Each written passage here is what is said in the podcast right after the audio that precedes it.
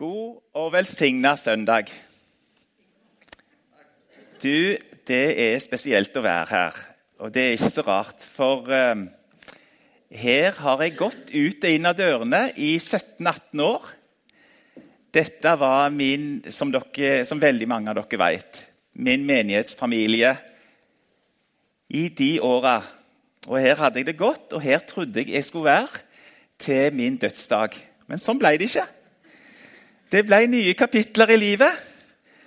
Og de kapitlene de, eh, de er jo spennende.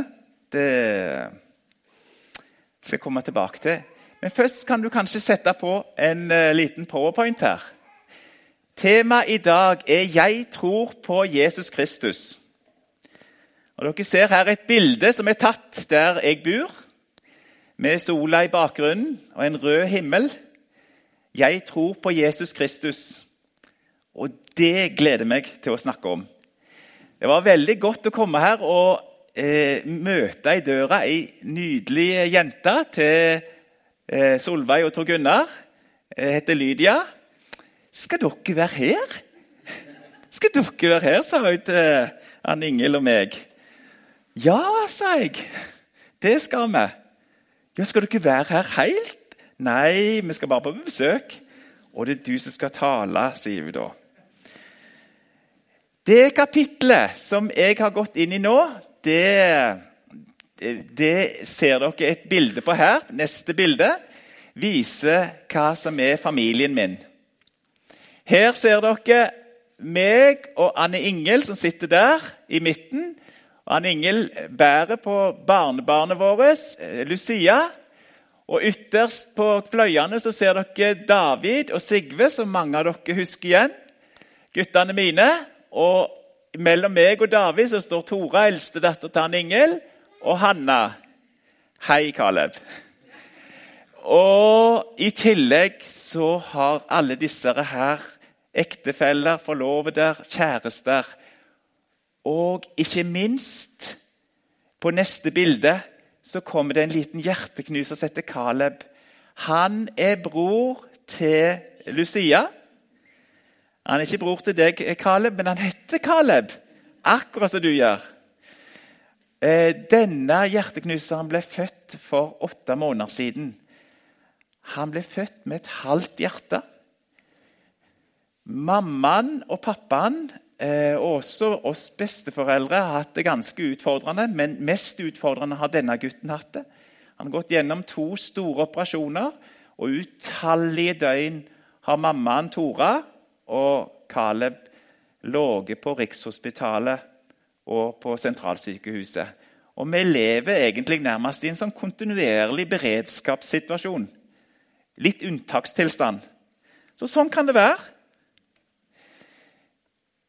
Det er litt om det kapitlet jeg lever i. Her ser dere litt om familien. Nå skal jeg gå tilbake til det som var dagens tema. Jeg har forstått at dere har en taleserie på 'Jeg tror'. Og i april, nå etter påske, så har dere fokusert på del to i trosbekjennelsen, som er nettopp, eh, nettopp framsa alle sammen. Eh, denne trosbekjennelsen hadde jo jeg tenkt at vi skulle reise oss og sagt, men nå har vi aldri gjort det. Jeg tror på Jesus Kristus, står det i del her. Guds enbårne sønn, vår Herre. Dette trosbekjennelsen her, eh, den er nesten identisk med det de ble enige om på kirkemøtet i Nikea i Nord-Hellas i år 325 etter Kristus. Og Kanskje er det sagt noe om akkurat det, men da samla de lærde og prestene seg, for de hadde et behov for å slå fast eh, at Jesus hadde guddommelig oppgave. Han var sønn av Gud. De hadde behov for å slå sammen, slå fast at det, det var en treenighet her. Gud, Jesus og Den hellige ånd. Og den Eh, og Det hadde de behov for, for det var begynt å blitt en del sånn strømninger. som eh, de, Arianismen, er noen som har hørt om det? Gnostisismen har jeg iallfall hørt om. Og De hadde behov for å fortelle at Jesus var profet, og, og, og, men de hadde behov for å avskilte ham som guddommelig. Og Er det noe som ikke, ikke er nytt under solen, så er det akkurat det. Så de hadde behov for å slå fast jo, Jesus er Guds sønn. Han ble unnfanget ved Den hellige ånd, født av jomfru Maria, pint under Pontius Pilatus. Dette ble de enige om. Og denne trosbekjennelsen er felles både i den katolske, ortodokske og protestantiske kirka og de fleste evangeliske kirkesamfunn. De har slått fast at det, sånn er det. Det er utrolig å se egentlig hva vi opplever i disse dager. Eh, vi nevnte med Syria. Eh, vi ser at det er en enorm forfølgelse av kristne. Jeg har vært med på eh, bibelsmugling til Øst-Europa i min ungdomstid. Men jeg tror at hvis du ser på statistisk sett, så er det myrdes det flere kristne i dag eller det kanskje gjør noen gang før. Per dag. Og Det, liksom en, det går litt hus forbi. Vi hører det i glimt. Den koptiske kirka i Egypt. Vi hører om eh, terrorhandlinger i Pakistan. Jeg så senest i går et bilde av mange eh, kristne som var opplenka i en lang eh, rekke med lenker rundt fra Pakistan. Eh, i India. Vi har vært i India og ser de utsettes for. Dette med at Jesus er Guds sønn, utfordres hele tida. Samtidig så er det utrolig mange som blir kristne den dag i dag. Det er faktisk det. Og de er faktisk ikke så langt unna oss heller. Eh, på torsdag fikk vi besøk av en eh, Bruce Collins, en gammel venn i Imi kirke, som jeg tilhører nå. Og Han fortalte at kirkene i Wales i England de hadde blitt enige om at nei, vi skal gå ut på gata og si at Jesus er Guds sønn. Vi skal evangelisere.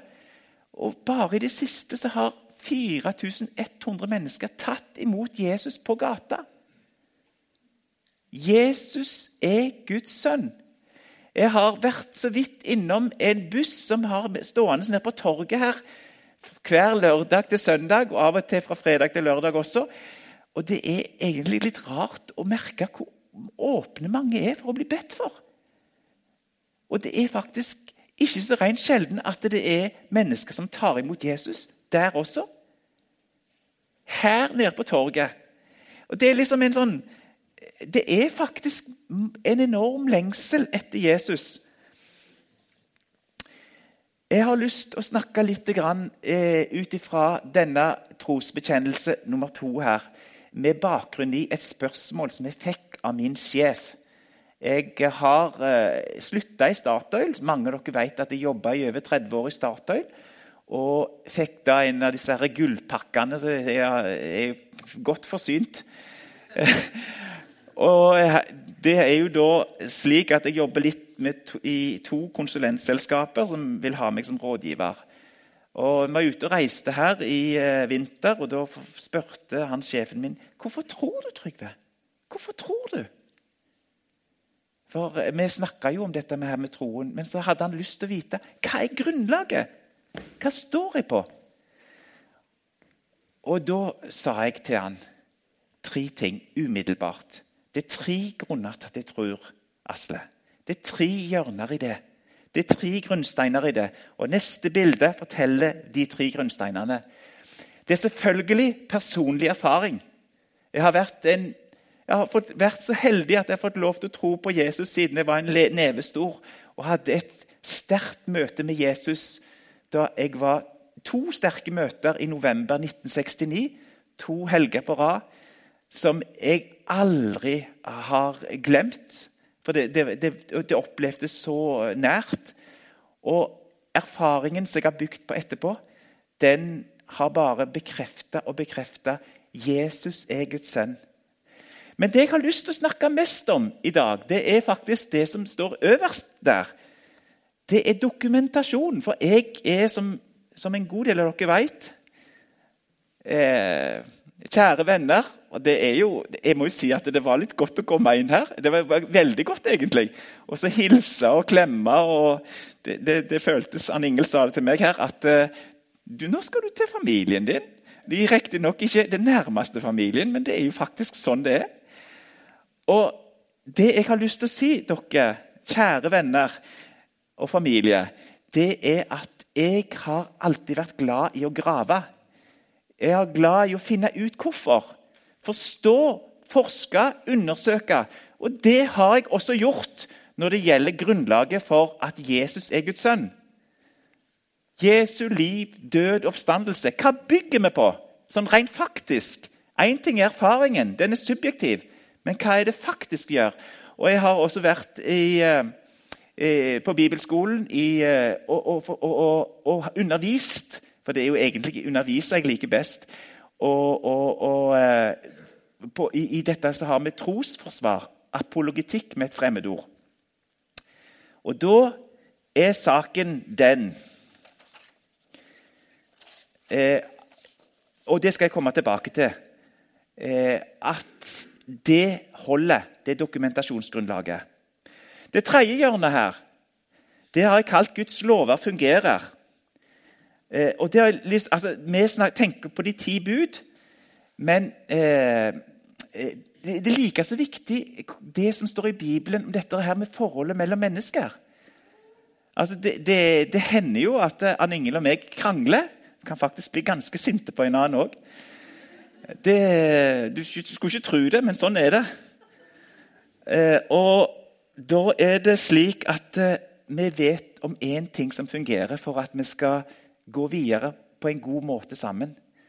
Og det er tilgivelse. Nåde og tilgivelse. Det, det står det om i Bibelen.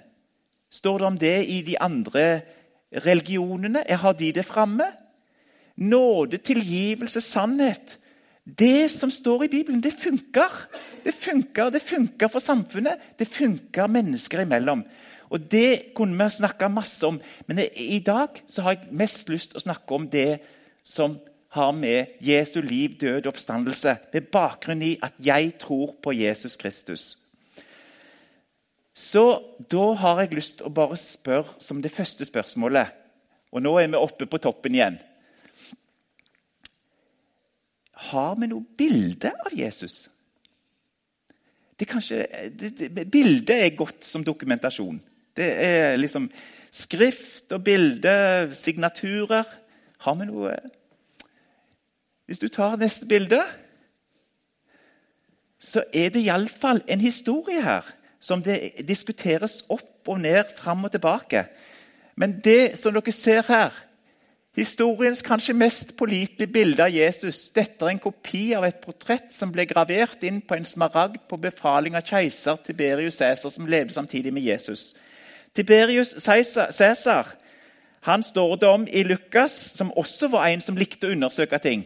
I kapittel 3, vers 1. Og han eh, var keiser da Jesus ble henretta.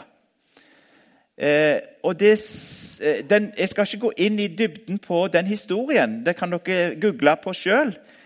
Men det som eh, jeg har lyst til å bare lese opp Dette her var visstnok en smaragd som ble overlevert til pave Innocens den 8., eh, som fikk dette her av keiseren i Tyrkia under den osmanske rikes storhetstid. Fordi at korsfarerne hadde visstnok fått tak i, bror, i broren hans og så skulle han kjøpe han fri. Men jeg har lyst til å lese litt om en som var guvernør i Judea på Jesu tid. Han heter Publius Tertulus. Det var liksom som en romersk eh, navn. Han skrev til senatet i Roma og beskrev Jesus som høy av vekst, med brunt, bølget hår, vakker panne, pen hud, et elskelig smil, velformet nese og munn, fyldig skjegg og livfulle grå øyne. Videre blir han beskrevet som skrekkinngytende når han refset noen, men vennlig og tiltalende ellers.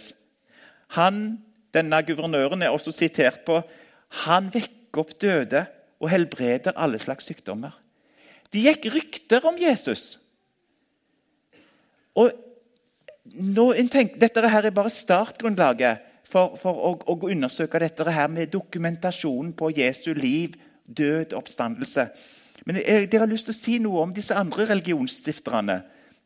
Muhammed, Buddha, Buddha eh, Gautama Siddhartha, Konfusius Disse levde på toppen av kranskaka, altså på toppen i hierarkiet. De levde lenge, og de reiste langt rundt. Jesus var blant allmuen. Absolutt ikke i Han var bare innenfor et lite lokalt område. Tre år virka han. Helt annerledes. Men han ble skrevet om av disse som noterte. Og Derfor så har jeg lyst til å gå inn på noen historikere utenfor Bibelen som ikke var kristne sjøl. Hva sa de om dette her som skjedde når det gjaldt Jesu liv, død og oppstandelse. Og Den første vi da skal snakke om, han heter Josefus. og De som kjenner sin historie, de husker at Josefus var en av disse historikerne som lagde historie rundt det som skjedde innerst i Middelhavet. Josefus ben Matateus. Og Han skrev bl.a.: Jesus var Kristus. Han døde, men ble levende igjen, som profetene har forutsagt. Josefus han var blant de privilegerte. Han var en rik mann. Han konverterte til å bli romersk borger eh, etter hvert, og han rapporterte. Han var tydelig på at Jesus ble korsfesta og død. Han skrev på denne tiden levde det en vis mann som het Jesus, og hans framferd var god. Han var kjent for å være av stor dyd. Mange mennesker blant jødene og andre nasjoner ble hans disipler. Pilatus dømte han til å bli korsfestet og død. Men de som var blitt hans disipler, forlot ikke sitt disippelskap. De fortalte at han hadde vist seg for dem tre dager etter korsfestelsen, altså oppstandelsen, og at han var i live. Derfor, sier han Josefus, var han kanskje Messias, han som profeten hadde forutsagt under om. Og Stammen av kristne oppkalt etter ham er ikke blitt borte til denne dag. Så Josef, Josefus han undra seg litt som historiker. Hva var dette her for noe? Og hvis vi skal ta, eh, Du kan bare la det bildet stå. En annen historiker for vi skal ikke gå så, eh, så bare gir dere litt noen smakebiter, som heter Cornelius Tacitus. Han var guvernør og senator i Roma, så han var ikke plassert der som det skjedde. Han var plassert i Italia, i Rom. Han lagde faktisk et slags leksikon, et historisk leksikon. Eh, en svær eh, anal, som de eh, kalte det. Og han skrev også om de kristne og Jesus. Han skrev bl.a.: De trodde keiser Nerus Han levde litt etter han, Josefus. Han levde fra år 50 til år 120. Var Rom, han, de trodde keiser Nero selv hadde satt fyr på Rom. Så keiseren la skylden på dem som kalles kristne. Kristus. Deres grunnlegger ble henrettet av Pontius Pilatus, regjerende i Judea, Judea under Tiberius. Så det, det, denne atmosfæren var det de lærde og prestene i Nikea de forholdt seg til. De visste jo selvfølgelig opp disse historiske opptegnelsene, i tillegg til selvfølgelig de hadde Bibelen. De hadde behov for å sette dette her sammen. Nå tenkte jeg at jeg skulle vise dere, og det er jo der dere ser at jeg eh, liker å være lærer og undervise, en annen måte å vise at Jesus er Guds sønn på. Så hvis du nå tar og trykker så ja, nå fikk du det alt sammen samtidig. Men det var jo Vanligvis så skal det være én ting om gangen. Men OK. Jesus er Guds sønn. Der er en eh, eh svensk apologet som har skrevet flere bøker som jeg har lest, eh, som går på eh, dette her med hva slags alternativer har vi i forhold til spørsmålet er Jesus Guds sønn. Og Han delte det opp i fire. så Han kaller det fire L-er hvis han liker å sitte engelsk. Og Nå har vi snakket om var Jesus en legende. Definitivt ikke. Alle seriøse historikere i dag enige om at Jesus har levd og dødd. Og Selvfølgelig er det spørsmålstegn rundt oppstandelsen. Men i tillegg så hadde han tre andre alternativer. Så dere ser ytterst der. Var Jesus gal? Eh, var Jesus en løgner? Hvis det ikke er sant at Jesus er Guds sønn, så var han en, en legende. var Helt uaktuelt. Lunatikk. Gal. Alle rundt han, som dere ser dere står, så han som frisk. Han var logisk og krystallklar. Han viste medlidenhet, denne historien her med den eh, kvinnen som ble grepet i hor, som kommer fram til ham. Johannes 8, 2-11. Han har nærkontakt med sine følelser. Han gråt. Sånn oppfører ikke en gal mann seg. En gal mann oppfører seg ikke slik. Var han en løgner? De som lyger, de lyger jo fordi de vil unngå noe, eller de vil ha en gevinst av det. De vil ha en gevinst av det. Var Jesus en liar? Han unngår jo ikke det ubehagelige, snarere tvert imot. Han har ingen gevinst av eh, at han lyver om Guds sønn. Han ble jo henretta. Sannheten var hans drivkraft. Han hata hykleri. Var det noen han tok tak i og, og, og rista så de var rasende på han, så var det egentlig de eh, presteskapet som egentlig mente de var mye bedre enn de andre, og som han kalte kalka graver fordi de gjorde ikke det de sjøl sa. Jesus Altså, når Jesus ikke er en legende, ikke gal, ikke en løgner, så står det ett alternativ igjen. Da er det sant. Da er han Guds sønn. Min Herre og min Frelser. Johannes 1,12. De som tok imot ham, de ga han rett til å bli Guds barn, de som tror på hans navn. Eh, hvor mange av dere har hørt om C.S. Lewis? C.S. Lewis han har annet skrevet en historie om Narnia. Det har dere hørt om. Han har skrevet mange bøker. 'Djevelen dypper pennen'. Han var også en apologet. Han eh, sier det på en annen måte, og nå skal du få se et bilde der. Der han på engelsk uttrykker 'You must make your choice'. Averwis man was and is the son of God, or else a madman, or something worse. You can shut him up for a fool, for a fool. You can split at him and kill him as a demon, or you can fall at his feet and call him Lord and God. But let us not come with any patronizing nonsense about his being a great human teacher. He has not left that open to us. He did not intend to. Det han, C.S. Lewis sier, det er at du kan godt betrakter han som en tosk eller en gal mann. Men hvis du ikke gjør det, så har du et alternativ. Det å falle ned på knærne og betrakte han som han er Guds sønn. Jeg tilber deg. Jeg tilber deg, Jesus. Du er en del av treenigheten. Du er Guds sønn og du er fylt av Den hellige ånd. Og du har gitt oss den samme muligheten. Hvem var Jesus? De som var sammen med Jesus, de fikk litt eh, av samme mulighet. For Jesus var ganske utfordrende. Og Det var tøft og, det var ikke lett å være i hans følge. Mange ganger. Du kan bare tenke deg sjøl. Han sto jo i kontrovers med de som hadde innflytelse, penger og makt. Og mange innimellom de fant ut at nei, vi, vi vil ikke vise oss sammen med Jesus. Og i en sånn setting, hvis du nå tar neste bilde, så spør han eh, disiplene sine, de nærmeste Da spurte Jesus de tolv i Johannes 6, 67 og 69.: Vil også dere gå bort?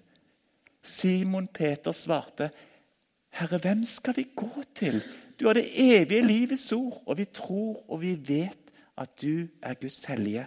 Det var hans erkjennelse av å ha gått sammen med Jesus i nesten tre år. Og det er den erkjennelsen jeg sjøl har. Hva, Trygve, hva skulle du gjort hvis du nå på en måte frasa deg egentlig at Jesus er Guds sønn, da ville jeg på en måte benekte veldig mye av livet mitt. Jeg husker jeg tenkte dette her som, allerede som student. Da måtte du bare kutte ut den biten, den biten, det du har opplevd der. Det som skjedde av de undra når du var ute og smugla bibler. Den mennesket som ble friskt. Det bildet du fikk når du ba for den personen som gikk rett inn i livet hans.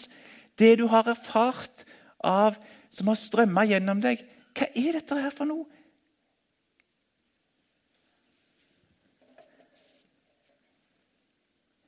Da måtte jeg ha uttrykt det samme som Peter. Nei, jeg har ingen annen mulighet. Du har det evige livets ord. Vi tror og vi vet at du er Guds hellige. Så når jeg sier det at jeg har, jeg har grubla meg nedover, lest bøk, bok på bok for å finne ut hva er, hva er fakta, i tillegg har den erkjennelsen Og så har jeg ikke snakket så mye om dette her som går på eh, går på det vi opplever ellers, disse tre hjørnene. Ja, sa min sjef, det høres riktig ut. Det høres riktig ut. Det høres godt ut. Jeg har lyst til å avslutte denne eh, talen med et ord som jeg, jeg tror dere fikk litt feil ord av Ingrid. for det var Jeg var litt kjappe, og så husker jeg Johannes 8, men det er Johannes 7, 37 og 38. Eh, der står det eh, på den siste, den store dag i høytiden Eller rettere sagt på den siste dag i høytiden, den store festdagen.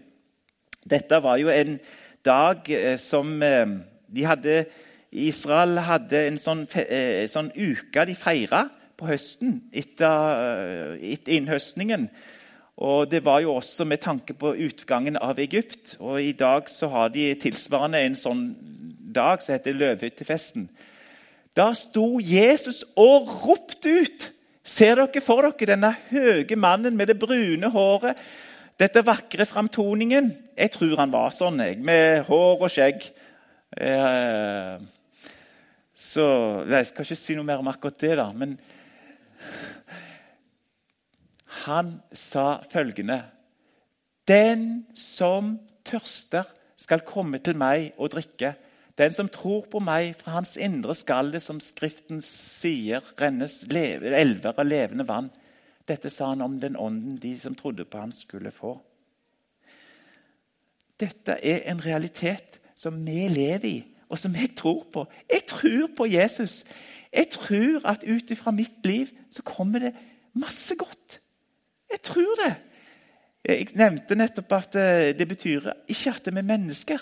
Vi er mennesker, og vi krangler og vi gjør ting. Og vi må tilgi hverandre, og vi griner og vi gjør alt det der. Og vi kan føle oss ganske deprimert, men det betyr ikke at det ikke kommer noe godt ut av livet. At det ikke er realiteten som Jesus sier. Det renner elver av godt. For det skyldes Den hellige ånd. Det skyldes ikke de der greiene som jeg greier å få til. Det skyldes noe godt. Det renner noe godt ut av deg, Frode. Det gjør det. Det vet jeg. Jeg har lyst til å si en liten kjekk historie rundt det. Eh, jeg skal komme tilbake til mitt personlige ting. Eh, eh, dere vet jo at min første kone som jeg var sammen med her i eh, 17-18 år. Eh, Brit. Hun kommer fra Sørlandet. Og I Misjonskirken oppe i Froland så skjer det mye godt. Der er det en del av familien til Brit som fortsatt går. Og Her en dag så fikk vi en litt sånn kjekk historie. Eh, dere har hørt om godhet. I Imi kirke har vi siden 2006 hatt en sånn aksjon som folk kjenner til, der en har ei uke der vi gjør, prøver å, å sjokkere byen med noe godhet. Vi maler hus for folk som, tre, som trenger det. Og vaske biler holdt vi på med lenge. Som folk som ikke trenger det, ja. Det, det hender, det òg. Det hender vi finner ut at, at de kunne jo klart det sjøl. Men poenget er iallfall at eh, denne her tingen den har, den har spredt seg til andre menigheter. Vi har fortalt om det, og andre har grepet konseptet.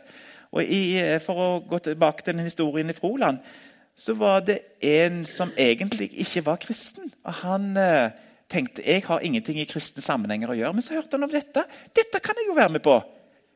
Det er mange handymenn i Misjonskirka i Froland, og det er mange handymenn som har tilknytning der. Så dette hadde han lyst til å være med på. Og da gikk det jo ikke så lenge før han også tok imot Jesus, faktisk. Renne strømmer av levende vann. Jeg eh, opplever jo, eh, som jeg fortalte om den bussen i byen Jeg eh, er med også på noe som heter Helbredelsesrommet borte i IMI.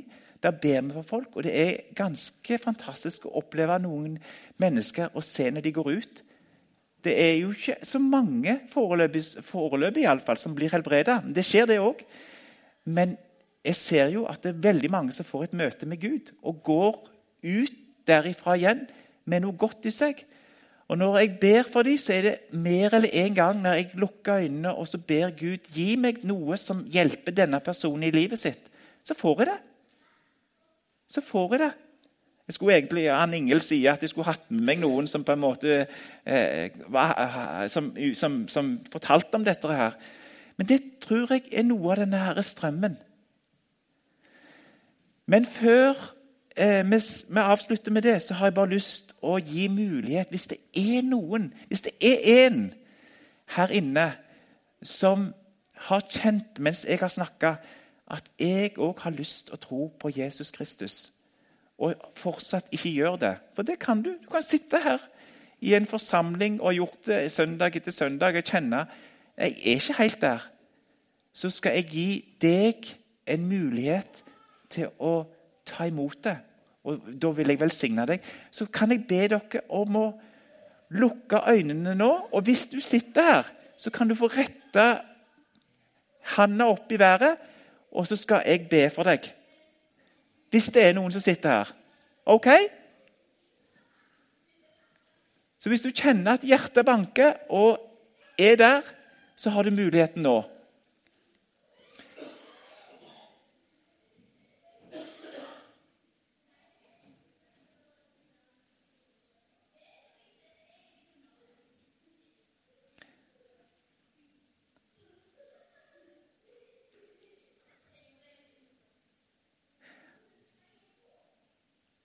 Da tenker jeg at det, eh, siste vi gjør her, det er at eh, vi alle reiser oss i denne talen. Og så eh, tenker jeg at eh, hvis du kjenner at du opplever at du har lyst å la det renne eh, altså Du kjenner at det er liksom litt tørt i, i, inni deg. Du er tørt og denne her beskrivelsen som Jesus sier, at det skal renne strømmer av levende vann, den har jeg lyst til å ha mer av. Så kan du nå legge høyre hånd over venstre bryst, der som hjertet ditt er. Og så vil jeg be om at du skal kjenne akkurat det. At uh, du får en opplevelse av at det renner strømmer av levende vann ut av livet ditt. Enten du føler det sånn eller sånn. OK? Kjære Jesus, her står vi fordi vi vet at du er Guds sønn. Og du har gitt oss eh, en sånn fantastisk eh, opplevelse av at når vi tar imot deg, så er du med oss for resten av livet, enten vi føler det slik eller slik. Og Nå ser du oss som står her med hånda på hjertet.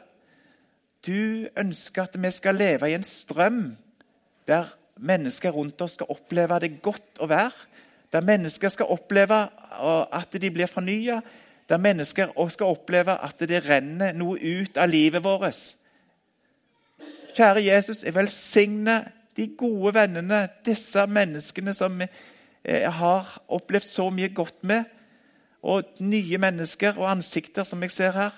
Kjære Jesus, at de skal bare kjenne at du er for de og med de. Og at når de går ut av her eh, i dag, denne, fra denne gudstjenesten, så har de fått med seg noe som, som gjør at de bare kjenner at Den hellige ånd bruker de. I Jesu navn. I Jesu navn. Amen. Takk skal dere ha for at eh, jeg fikk komme her.